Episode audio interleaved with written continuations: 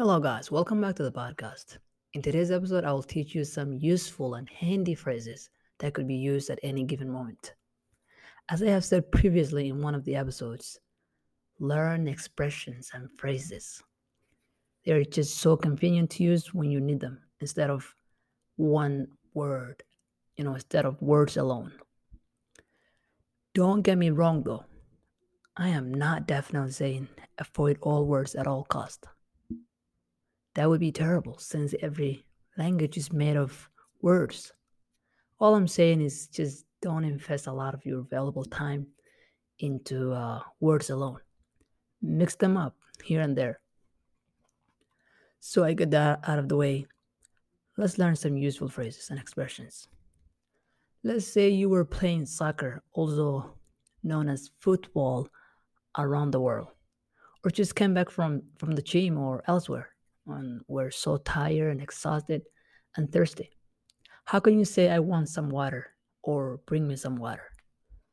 The first expression is, Waxaan rabaa biyo. Waxaan rabaa biyo. I want some water or I want water. I want some water. Second expression is biyo ikan. Biyo ikan. Bring me some water. Bring me some water. Um, and for some reason, um, there isn't any water at home. No water at home. So the person comes back with empty handed, says, There is no water.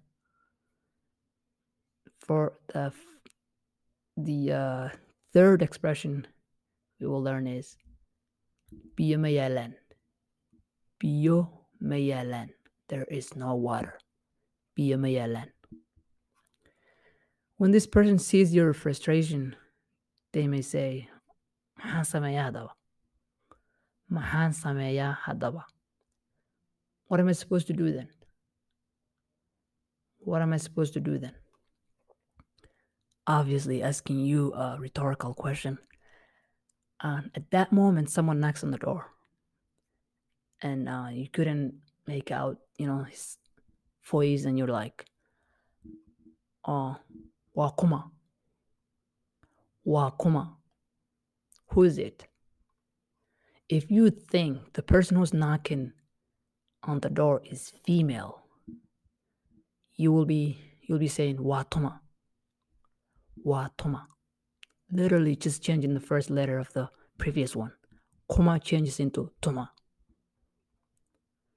Um the person says Wa abaha. Wa abaha. It is your dad. And for some reason he comes with no water. You're like, not again.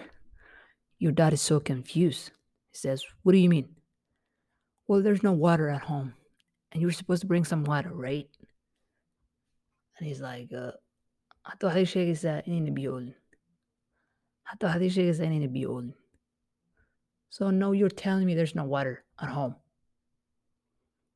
Hato haddii sheegaysaa inayna biyo oolin.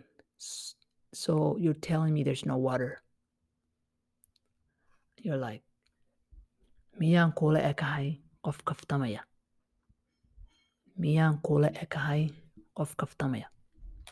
Do I really look like someone who's joking? Do I really look like someone's joking? I'm serious, dude. I'm like, he's like, take this 50 bucks and get some water from the local store. Uh, by this time, like you can't move your your legs, and obviously you can't ask your dad to go and get it because that would be rude. He just came, he literally just came back from work. You know, you can't talk back to your parents, you know, when they're in that situation. Like you're thinking, you're about, you're like, am I supposed to go right now, or do I do I go, or do I stay, or what am I what am I supposed to do? You know. And here comes your your mom with millions of water bottles. Mothers are lifesavers. And minutes ago you were thinking about whether to go or not. But now you're thinking about whether to keep the 50 bucks or not. And at that moment, you make a very special supplication for your mother. You're like, Allow hooyaday geli jannada meesha ugu sarreysa. Allow hooyaday geli jannada meesha ugu sarreysa. Oh Allah, grant my mother the highest place in paradise. Apparently, somehow you excluded the supplication from your dad.